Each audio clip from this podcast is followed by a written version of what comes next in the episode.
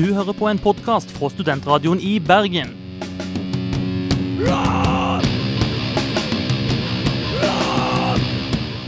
Denne og mange andre flotte podkaster finner du på podkast.srib.no.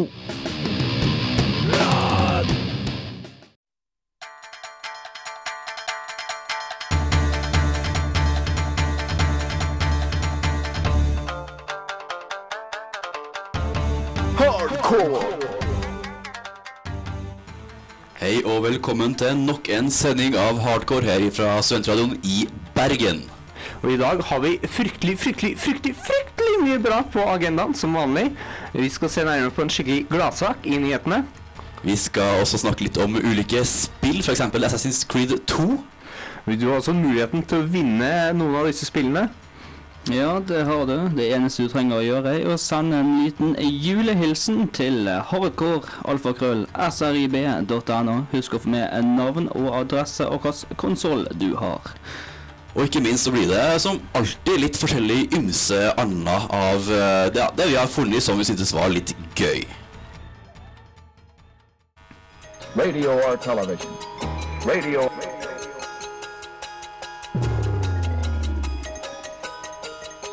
I love my radio.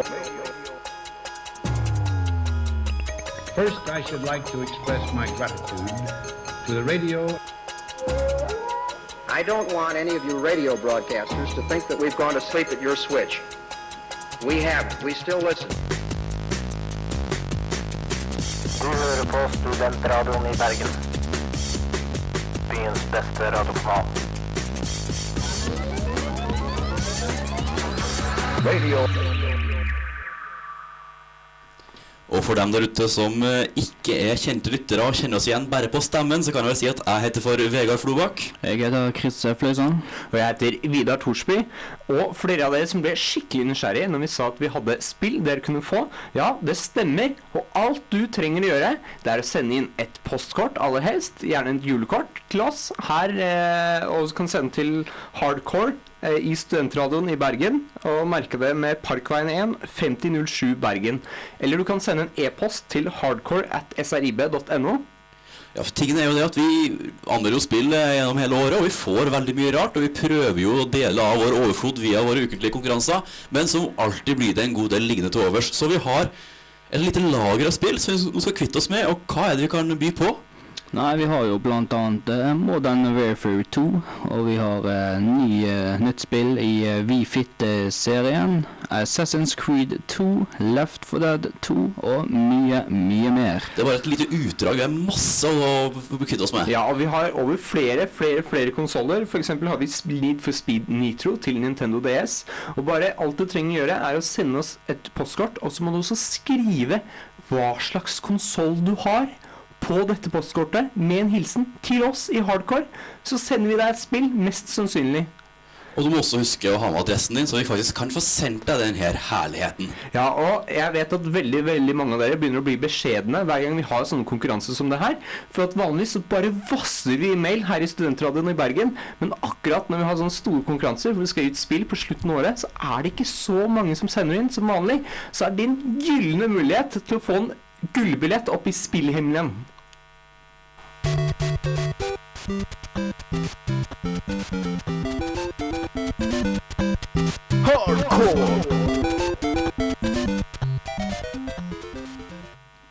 og ukens eh, gladnyhet. Der var det jo en uh, fyr som hadde vært og kjøpt seg Modern Warfare 2. Vi trenger ikke si at det er populært, for det har jo spilt inn for et par milliarder. Men uh, han fikk eh, i hvert fall kjøpt spillet, og uh, kom hjem og puttet det i uh, PlayStation, og da var det dette her som møtte han.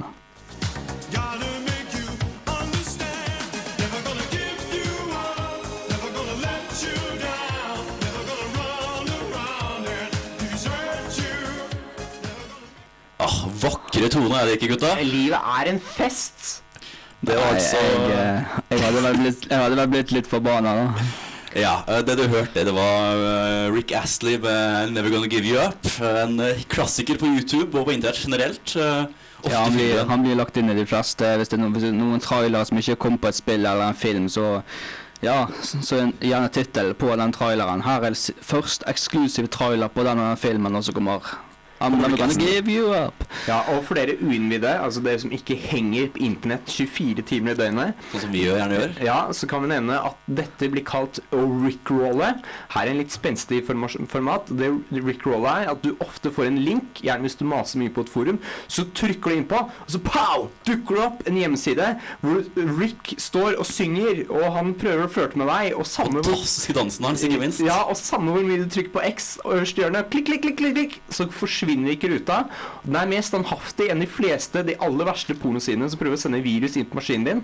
Du må gå inn i kontroll alt delt og bare kollapse hele driten. Du har tydeligvis opplevd det ganske ofte, skjønner jeg. Ja, altså, da men altså, det- rickrolling, ja.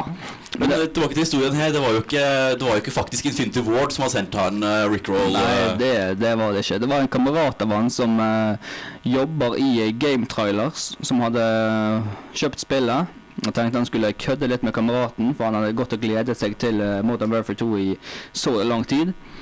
Så da eh, tok han ut originalplaten fra coveret og tok og brente en eh, egen CD, da med Rick Ashleys 'Never Gonna Give You Up' på 16 nummer på hele platen. Å, fantastisk. Og seinere gikk inn og laget da en eh, tro kopi av en label til Modern Warfare, sånn at det så ut som at det var spilleplaten.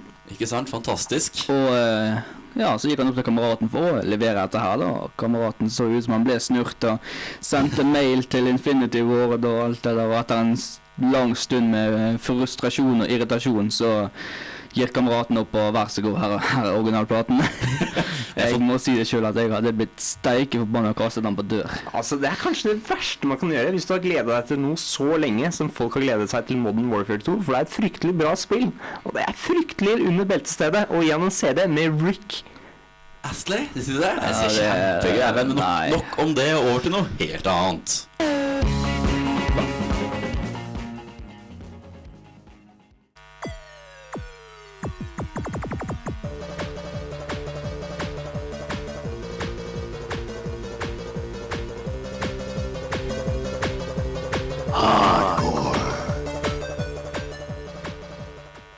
Ja, og en liten eh, oppfølging fra eh, forrige uke, så har du jo eh, Erik Estavillo, som er kjent eh, som en serial sewer, som i, i forrige uke saksøkte både Sony, PlayStation og eh, Microsoft på Xbox Live, har nå eh, gått videre.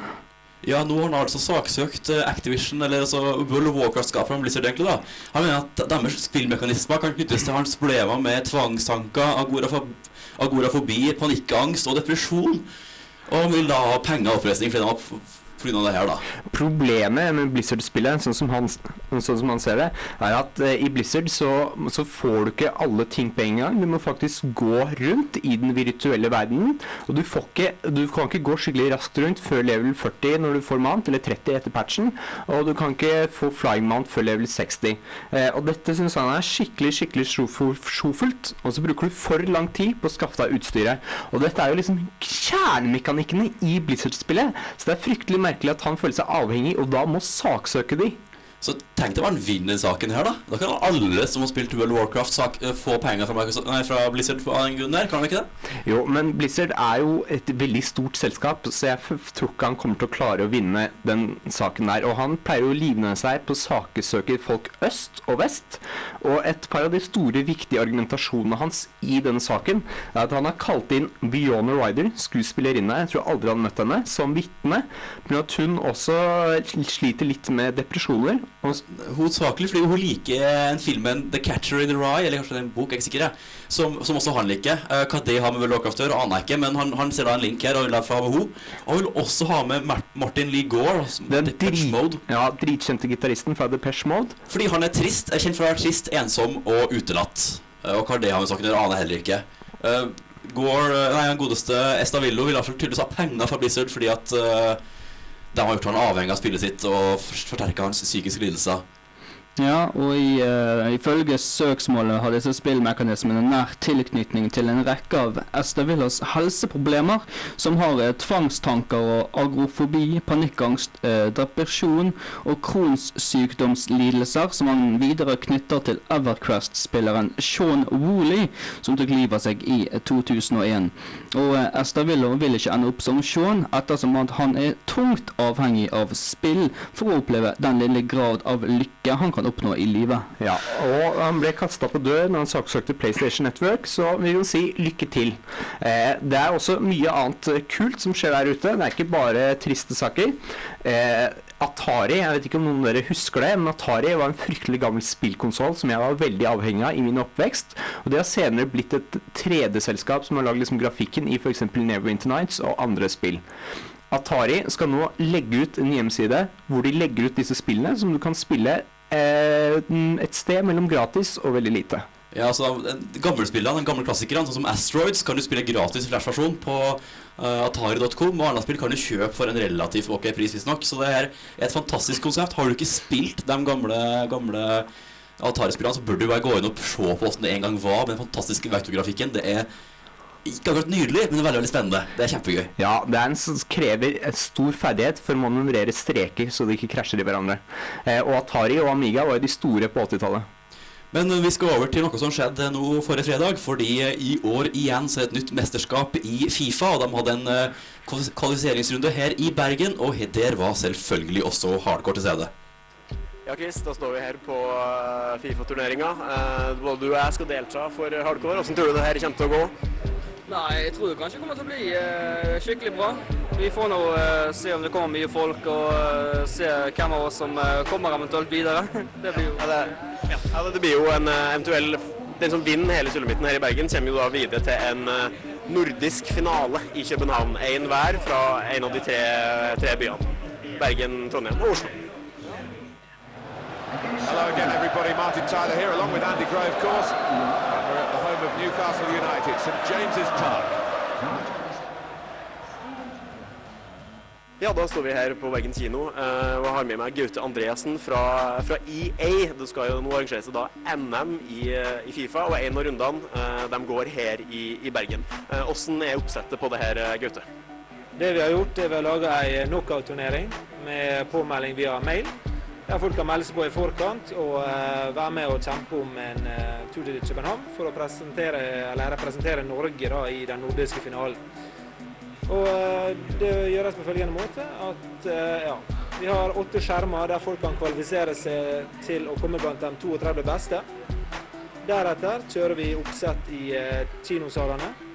Og eh, det går da utover til vi har én vinner, som er så heldig å få eh, reise til København i mars.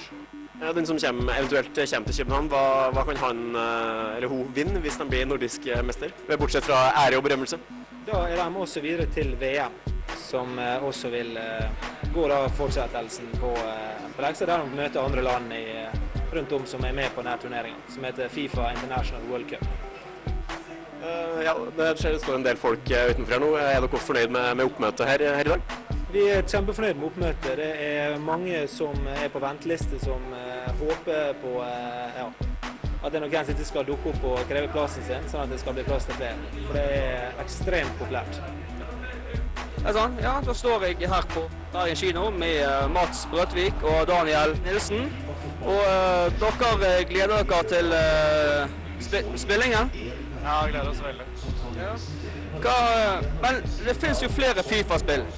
Hva, hva syns dere er bedre med Fifa 10 enn eh, de andre spillene? Eh, selve måten de har gjort det mye virkeligere. Eh, på 09 så var det jo sånn at du bare kunne bevege spilleren i åtte retninger, f.eks. Uh, mens nå så har de jo i 360 grader. Bare det er en mye større forskjell. Du kan føre ballen på en helt annen måte. Pleier, pleier dere å ha noen sånne uh, fotballkvelder der dere sitter hjemme og spiller, eller er det mest uh, online-spilling? Det har gått en del søndager, i hvert fall, på Fifa-kvelder. Gjerne kombinert med Premier League og, fotball generelt. For meg så er det mest online, egentlig. Jeg spiller mye, veldig mye online.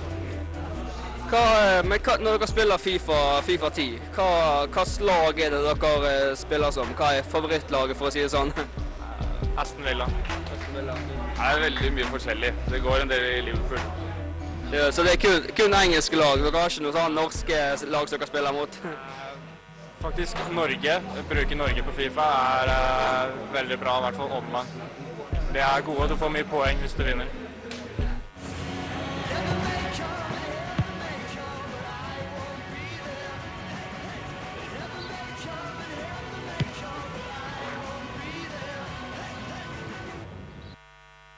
Det var altså litt av hvert som foregikk på Bergen kino i helga. Jeg var og så vidt så på. Det var jo masse folk. En gedigen opptur for til tidligere turneringer som har foregått i FIFA- Fifa-verdenen. Men Chris, hvordan gikk det egentlig med- deg og Johan? Nei, det var for det første så må jeg si at det var egentlig veldig gøy å være med. Det var jo egentlig første gangen jeg spilte Fifa, så jeg er Oi, oi, stolt, oi. stolt av akkurat det der. Jeg aner at det kanskje ikke kan gått verdens Kan, kan, kan, kan ikke hatt den beste prestasjonen hvis du ikke har spilt det før? Nei, for å si det sånn, hadde det vært NM i rødt kort, så hadde jeg kanskje kommet videre. Men istedenfor så ble det 1-0 til uh, motstanderen. Jeg tror det var samme resultat på Greif. Ja, så begge to gikk ut i første runde, altså. Eh, Men det er jo godt at eh, nivået på Fifa har økt, for eh, i fjor var vel det samme greiene, og da stilte vel en av våre eh, medarbeidere, og kom vel på andreplass. kom på andreplass i Bergen, kom til Oslo og, og gjorde dritdårlig der, da. Ja, men men skal si han aldri hadde spilt Fifa før, da. Men til gjengjeld, han, han spiller sykelig mye Pro Evolution Soccer, eller gjorde i hvert fall på den tida der. Men eh, hvis du syns det her var gøy, og bor tilfeldigvis i nærheten av Trondheim eller Oslo, så skal det være eh, nye runder der. Eh, Trondheim skal ha nå førstkommende fredag den fjerde. Løp dit. På Trondheim kino. Og Oslo skal ha det på Ringen kino den 11.12. Så hvis du liker Fifa, så er det absolutt noe du bør prøve å få med deg. Og etter hvert, som, eh, etter hvert så skal det også da være en, et mesterskap eh, i København, et nordisk mesterskap der, hvor du får gratis reise dit og opphold og alt sånt. Så Ja, det er vinneren som sitter igjen og etter hele kvalifiseringen, for å si det sånn. Ja, det virker jo egentlig som en kjempeopplevelse. Så og hvis, det, hvis ikke det egentlig er nok å bare være norgesmester, så det er ikke sagt helt ennå, men uh, da kan du være, vinne en reise og være med i VM. det skal bli den slags også. Så utrolig kult. Vi får glede oss og håpe at uh, det fins dyktige nordmenn som kan forsvare vår ære der ute i den store, vide verden.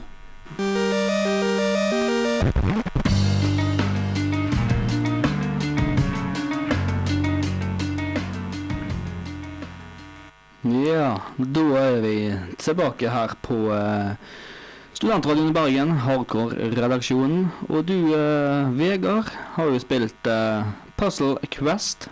Det har jeg spilt, og har også spilt et spill som ligner fælt, nemlig Gyromancer. Uh, så har jeg sagt det med en gang. Gyromancer, som nå har kommet ganske så ja, for to uker siden. det. Eh, Det er en blåkopi av ideene fra Puzzle Quest. Du spiller et rollespill, og så skal du altså Du har litt sånn rollespillaktige elementer med en historie du skal følge, og ting du skal gjøre. Og måten du slåss på i spillet og gjør ting på i spillet, det er ved å løse sånne enkle puzzles, da. à la fire på rad. Skal prøve å sette et, et, ul- ulike ting på rekke, sånn at det forsvinner. Sette ned nye ting de må på rekke, osv. Så, videre. så går det sånn i det uendelige. Ja, da gleder vel du deg veldig, for nå er jo meldt et nytt uh, Puzzle Quest snart. Uh, ja, det skal komme et Puzzle Quest 2 uh, over til våren. Det høres jo dritbra ut. Jeg gleder meg skikkelig mye. Men uh, Men tilbake til det her Guromancer, for jeg hadde jo kommet noe veldig nylig. Eh, og jeg leste på tegneserien Penny Arcade, min lille bibel her i verden. Der omtalte han spillet som en blanding av po Pokémon, RPG og pusler. Jeg tror kanskje han var en smule sarkastisk, og jeg hører på din stemme at du ikke er så engasjert. Nei, uh, sp spillet er litt kjedelig. uh, men det, det ligner veldig på, på Pokémon. For du, du er da en sånn summoner som går rundt og påkaller monstre og slåss for deg. Du kan da samle ulike monstre, og du kan, de blir bedre etter som du bruker. Åh, det høres jo helt konge ut. Uh, ja, det høres konge ut. Eh, Men det er ikke konge? Nei. Tingen er at uh, Puzzle Quest har en veldig enkel mekanikk. Fire på rad. Skal, eller tre på rad eventuelt. Du skal flytte på en brikke på en sånn rutenett. Og når du da får tre like farger på rad, så detter de bort, og så får du ulike bonuser. Uh, I det spillet her skal du i stedet for å flytte på en brikke, så skal du flytte på fire og fire brikker av gangen i en sirkel, sånn den går rundt, liksom. Og det er veldig mye eh, Det er utrolig lite intuitivt. Det er utrolig vanskelig å venne seg til tanken. Og det er liksom det virker så mye mer tungvint. Og det virker som sånn de har bare anstrengte seg for å finne på en annen måte å gjøre det på enn de gjorde det i Puzzle Quest, bare for å være litt annerledes. Ok, så det er veldig stor kurve for å bli god i det, og når du først blir det, så er det ikke så tilfredsstillende? Uh, si det. Altså, det, det, det er pisseenkelt. Nevnte nevnte at han, han summoneren du spiller, er udødelig. Å, så du kan prøve på nytt og på nytt og på nytt? Ja, du dør ikke. Uh, det er det ene. Det andre er at i starten av spillet så er det alltid kjempeenkelt, og du dør aldri før level 20. Da endrer han plutselig reglene i spillet, sånn at ting fungerer på en litt annen måte. Eh, til det bedre, for så vidt, men det er veldig sånn rart at det kommer så seint ut i spillet at ting endrer seg. Så det er egentlig som er morsomt, det er å spille mot andre mennesker, men det er ikke så morsomt det heller, egentlig. Ok, altså Det høres ut som Gyromancer er en spillutgivelse som liksom Å, Puzzle Quest, det solgte litt. La oss prøve å lage en kopi, så vi også kan selge litt mer. Ja, det er i bunn og grunn det. Det er Square Enix som har slått seg sammen med, med PopCap Games. Det er EA-studio som har laga sånne enkle småspill. Ja, PopCap Games pleier å være knallbra, men det er Ja. fordi de har unike spill. Ja, de har gjerne det. Uh, men jeg syns ikke Bejeweled Nei, jeg syns ikke Gyromancer er noe å spare på i det hele tatt. Det er det er så dumt. Altså, den har altså, Puzzle Quest var også egentlig kjempeteit på alle mulige måter, men det hadde en viss sjarm, og du blir veldig glad i å spille det. Du blir veldig avhengig av det, og det mangler spill her totalt. Ja, men da kan vi bare krysse fingrene da for, uh, for toeren, som du nevnte, Chris. Den skal komme til våren. Jeg gleder meg veldig. Da skal Men til eh, sammen med Gyro Quest og eh, Puzzle Quest, er det noe du vil anbefalt anbefale folk, folk til å kjøpe under juletreet? Nei, det er så utrolig mye andre bra ting å, å se etter, så, så drit i Gyromancer og, og spill alt mulig annet rart. Fordi det er, kommer andre ting som er mye mer verdt pengene du bruker. Men vi skal videre til eh, vår eh, serie om den japanske spillkulturen. Her er siste episode, hvor vi eh, prøver å oppsummere litt det vi har snakka om i de forrige episodene som har gått i løpet av høsten.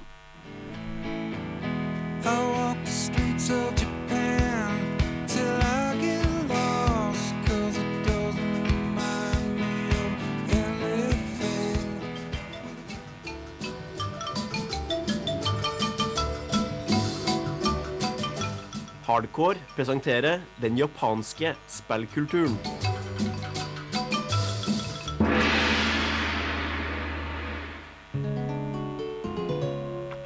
I denne siste episoden av den japanske spillkulturen skal vi forsøke å komme fram til en konklusjon på hvordan markedet er i forhold til det vestlige, og hvor utviklinga vil plassere det japanske markedet i framtida.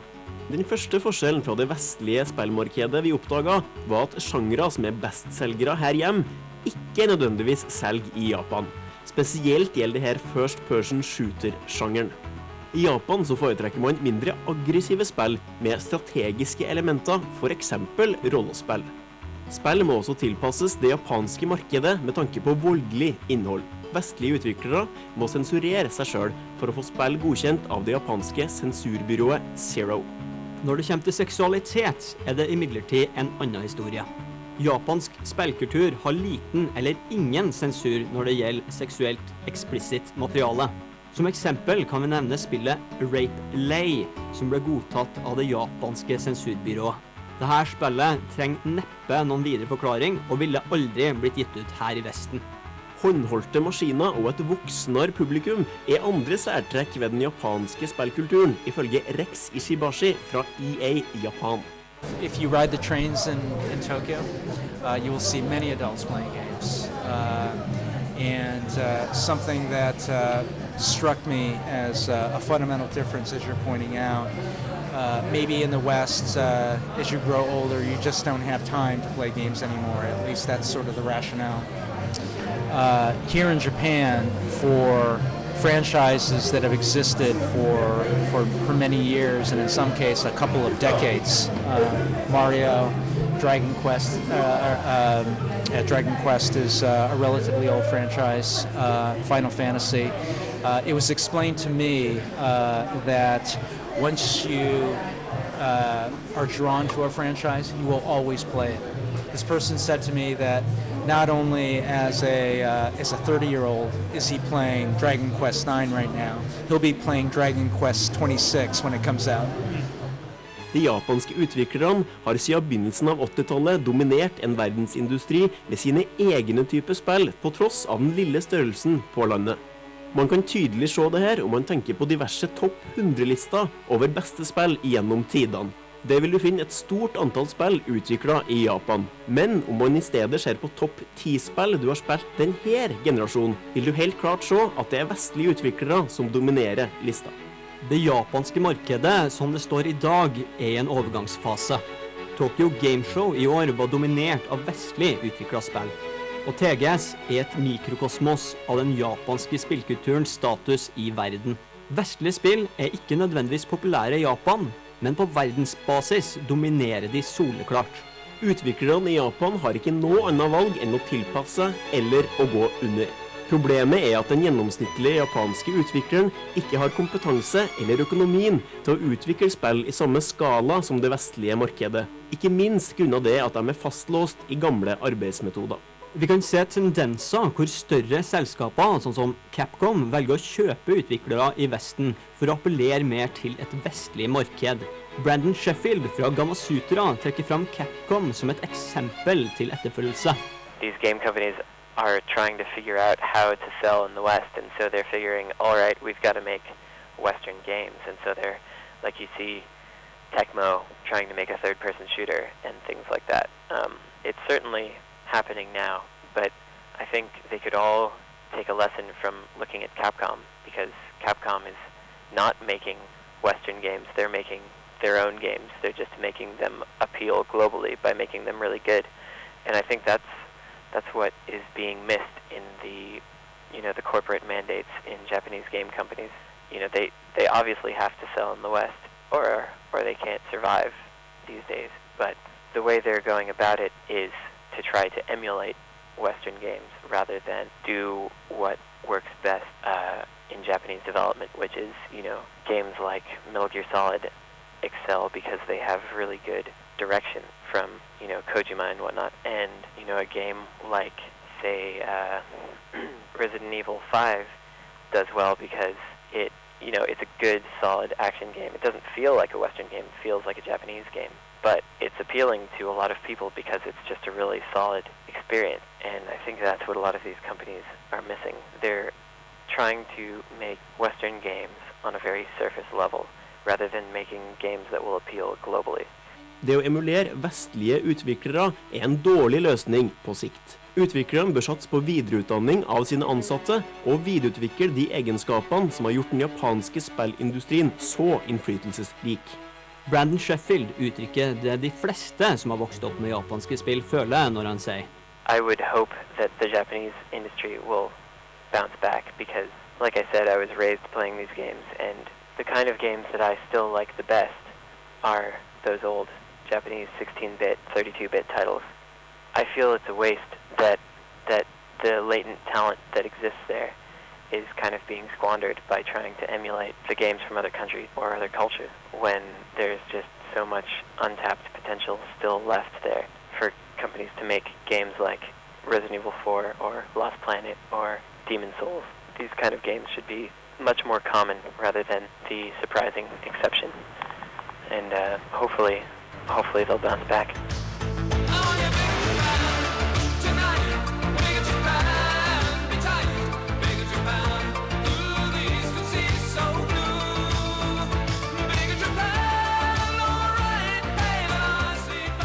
Hørte du siste episode fra den japanske spillkulturen med Johan Lavrans Greif, Marius Sjørmo og Jon Iversen.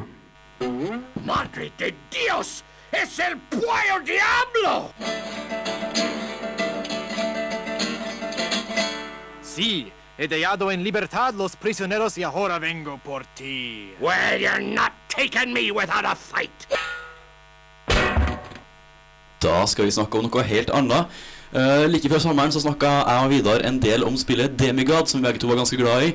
Og for andre folk som også har spilt og er glad i det, så kan vi opplyse om at det kommer to nye spillbare uh, figurer i spillet. Det er veldig, veldig bra. Den ene figuren er en demon-leiemorder. Han som antageligvis kommer til å slåss for det onde laget, da, antar vi. Eh, og han faller under kategorien eh, leiemorder. Han skal snike seg inn og ta de andre heltene. Det andre er en general som da altså baserer seg på å bruke styrken til de der små eh, soldatene til å hjelpe seg, og slåss egentlig best fra litt sånn avstand. Ja, og denne generalen skal gå rundt og kaste lyn, og kan minne litt grann om Sevs. Og vi antar at han vil være på det snille laget. Men uh, hvis du ikke har hørt om uh, spillet før, så hva er det egentlig spillet går ut på, og hva Ja. Det er egentlig eh, veldig bra at du spør om det, for det, eh, Demigod er en kopi av et dataspill som het Dota, altså Defense of the Ancients, sto det for. Og Dota det var en modifikasjon lagd i kartlageren til Warcraft 3, det spillet av Blizzard. det var dritstort. Altså Går du på online og på Battlenet nå og går på custom maps, så er omtrent alt som spilles der, det er Dota-spill. Ja, og det er det eneste som fortsatt spilles. Eh, og siden dette var lagd i kartlageren til Warcraft 3, så var det ingen som hadde tatt patent på det. Så Dota Nei, så Demigod var det du kan kalle en Dota-klon. Og det kommer nå også en annen Dota-klon som heter League of Legends. Eh, Hvis ikke det er helt feil, så forkortes det som LOL, og du har prøvd betaen, har du ikke det, Vidar? Jo, jeg har prøvd betaen ganske mye. Det, eksamensoppgavene går skikkelig dårlig, men betaen går skikkelig bra. Eh, og du Er det- er et samsvar her? ja, og du spurte, Chris, hva dette spillet går ut på. Du har en lang liste med helter du kan velge. Så velger du ut én. De er magikere, nærkamp, lang, langdistanse osv. Og så har du fem helter på hvert lag. De gode mot de onde spiller egentlig ingen rolle. Og så har du eh, tre stier hvor det hele tida kommer hjernedøde folk, som, som NPC-er, non-player characters. Altså som ingen soldater styrer. som springer fram og Ja, og de dreper hverandre. Og du prøver å drepe de for å få erfaringspoeng, så du går opp level, og du prøver å få gull. Og hvis du klarer å ta ut motstanderens helt, så får du ekstra mye gull. Og da er han død, så han får ikke erfaringspoeng eller gull i ca. et minutt. Så målet med spillet er egentlig å liksom slå fiendens eh, bølger og soldater tilbake og komme seg inn i basen til motstanderen og Mm. ødelegge den, da, for da liksom har han vunnet spillet. Men hvordan er det i LOL? Er det moro? LOL, League of Legends altså, er eh, Jeg vil si det er knallbra. Veldig morsom grafikk. øh, og det er mye mer lik den originale Dota. Jeg vil påstå den er helt lik den originale Dota. Eh, bortsett fra at den er mye mer snill mot folk som aldri har spilt det før. Altså I Dota så kunne de drepe deg to-tre ganger, og da var du ferdig. Det er mye enklere. Det er ikke så eh, over ut med en gang. her, altså. Det er enklere å komme tilbake igjen i spillet og overleve. Ja, og så ser det veldig fint ut. Ja, eh, Hvem ville du sagt at dette spillet her eh, passer egentlig for? Jeg vil si eh, alle de millionene som sitter og spiller Dota. Men jeg vil også, hvis du er fan av f.eks. Diablo 2, så er dette et sånt spill hvor du velger din karakter, hopper fort inn, løper rundt, dreper ting, kjøper utstyr, og du får, veldig, får en veldig tilfredsstillende følelse veldig fort når du spiller det. Og det er mye mer, går mye raskere enn eh, Demigod, som også er helt klin likt. Ja, men uh, Du sa at det ikke var så vanskelig for nye folk. Men hvis du ikke har spilt Dota i det hele tatt før, og ikke har noe konsept noe det gått på, tror du det er veldig vanskelig å skjønne hva som hele tatt foregår? Jeg tror nok du vil dø et par ganger, og kjenner jeg internettsjargongen til disse som spiller det, så vil de si 'please leave this game, you noob, you are feeding', som betyr at du gir veldig mye penger og gull til det andre laget, og veldig mye XP, siden du løper inn i de, og så dreper de deg kjempelett, og så får de 200 gull. Så de er ikke veldig vennlige, men det er et bra spill. Men en liten sammenligning mellom det her og Demigod, eller det siste vi bør gå gjennom, da. Hva, hva vil du anbefale, egentlig? Ja, Med tanke på at dette er i beta og fortsatt gratis, så kan jeg kanskje anbefale folk å prøve ut dette, mens Demigod sliter fortsatt med noen sånne her, uh, bugs eller småproblemer enda de kom i sommer en gang. Så jeg tror jeg kanskje vil helle mot League of Legends, men hvis du liker grafikk, så gå for Demigod, for det ser helt fantastisk ut. Da hiver vi oss med LOL på det punktet der.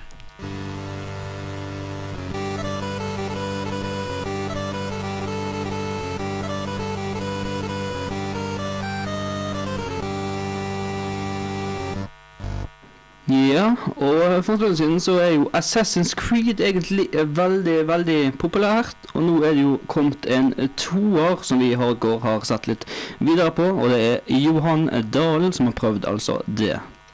Det er helt stilt. Du lister deg fram i skyggene. En lyd fra mørket. En vakt som snur seg brått. En kniv som blir trukket. Borte. Tilbake i skyggene sniker du deg fram mot målet ditt, som kommer nærmere og nærmere. Velkommen til renessansens Italia. Velkommen til Assassin's Creed 2.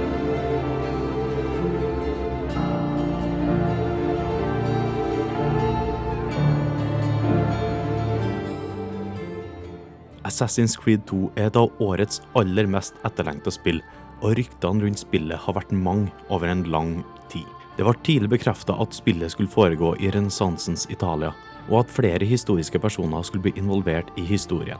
Leonardo da Vincis inntreden ga mange vann i munnen, og han utfyller på mange måter en nyttig bikarakterrolle i spillet, som en altmuligmann du kan gå til om du trenger hjelp. Den som likevel står i fokus for fortellinga, er Ezio Audiatore da Firenze, som du skal lede gjennom spillet.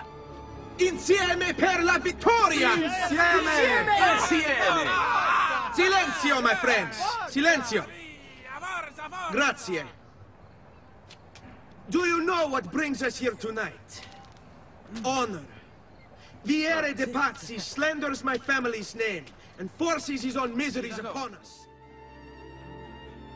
Ezio skal vise seg å være en nokså ufin ung mann idet du trer inn i historien. For noe av det som slår deg relativt tidlig, er at han har skaffa seg fiender over lang tid, stort sett overalt der du beveger deg. Den første delen av spillet tilbrakte jeg derfor stort sett på diverse hustak i skjul for vaktene. Ikke at det er noe galt i det, snarere tvert imot syns jeg det er veldig artig å springe over hustak usynlig for vaktene som traver rundt i gatene på jakt etter meg. Likevel kunne jeg gjerne tenkt meg å ha vært en del av det yrende folkelivet som foregår ned i gatene. Takene blir heller ikke til stor hjelp etter hvert, da vaktene finner ut at de kanskje skal få litt oversikt, og du blir sendt ned i gatene der du må finne lure måter å snike deg fram til målet ditt på. Hey,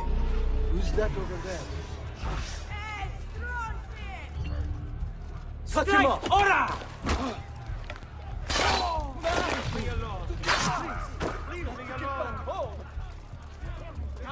Around the side. Get in!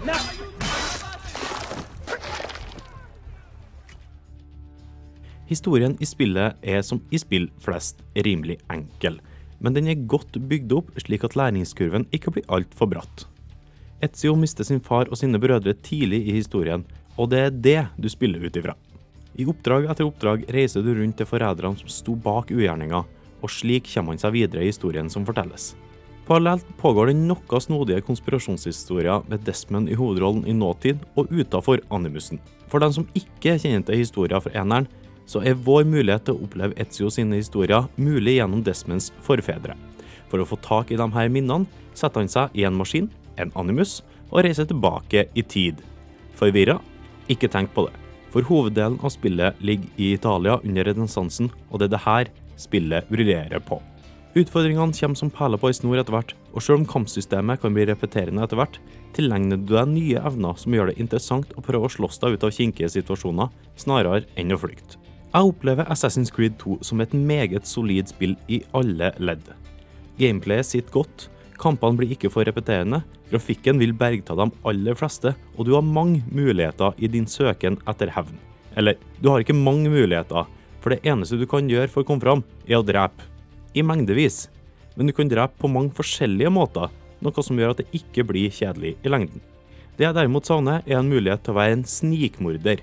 For sånn som jeg oppfatter det, er det rimelig vanskelig å komme seg fram til hovedmålet uten å lage masse styr og opptøyer som gjør at du blir oppdaga og må bruke gode, gamle, brutale metoder for å fullføre oppdragene. På tross av det holder Assassin's Creed 2 høy klasse.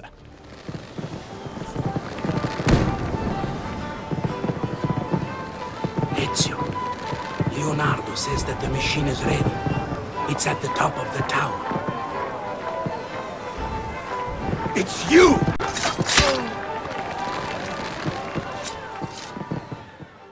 Det er vanskelig å sette fingeren på noe som virkelig trekker det her spillet ned. Visst er det småting som irriterer meg, men de drukner stort sett i alt det positive som foregår på skjermen. Stemmeskuespillet er en katastrofe sammenlignet med det beste vi har fått servert i år, og kontrollen på klatring, hopping og hesten din kunne vært finpussa noe mer. Det blir likevel for småpirk og regn i den store sammenhengen, for det her er pur underholdning i alle ledd. Likte du eneren, vil jeg anta at du med stor sannsynlighet kommer til å elske toeren. Hata du eneren, bør du gi toeren en sjanse, for Ubisoft har virkelig retta opp mange av barnesykdommene som eneren slet med, og har gjort det her til en av årets aller største spillhøydepunkt.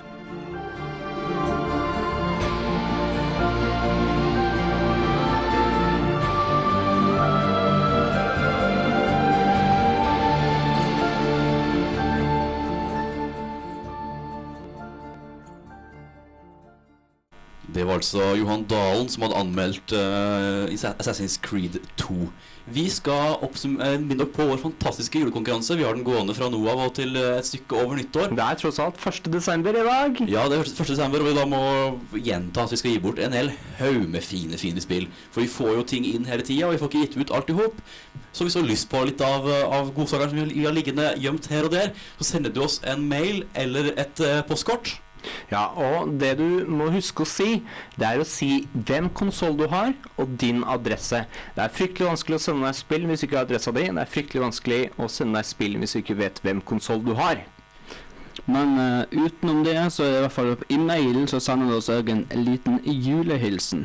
Ja, og det blir vi så glad for, for det, selv om vi får fryktelig mye mail ellers i året, så pleier det av en eller annen grunn til å dabbe skikkelig av når vi har disse konkurransene. Så det er din gylne mulighet til å vinne et spill. Og da sender du en e-post elektronisk til hardcore at srib.no. Eller så kan du sende oss et godt gammeldags postkort, og det er dette vi håper på, da, for da får du et skikkelig bra spill, til Hardcore Studentradioen i Bergen. Eh, og da merker du det. Parkveien 1, 5007 Bergen. Det var egentlig alt vi hadde for, eh, for i dag. Hør på oss også neste uke og alle eh, ukene som kommer etter der igjen, for vi kommer til å være her så lenge vi klarer. Eh, Jeg heter Vegard Flobakk. Jeg heter Chris Fløysand. Jeg heter Vidar Thorsby. Vi har også hatt hjelp av eh, Jon Iversen og Johan Lavrans Greif. Ja, og vår eminente produsent har vært Marius Kjørmo, som er litt på en måte sjefen da i dette lille programmet. Da gir vi oss, og det siste du får høre, er Ugress med låta Loungemeister. Hurra! Du hører på en podkast fra Studentradioen i Bergen.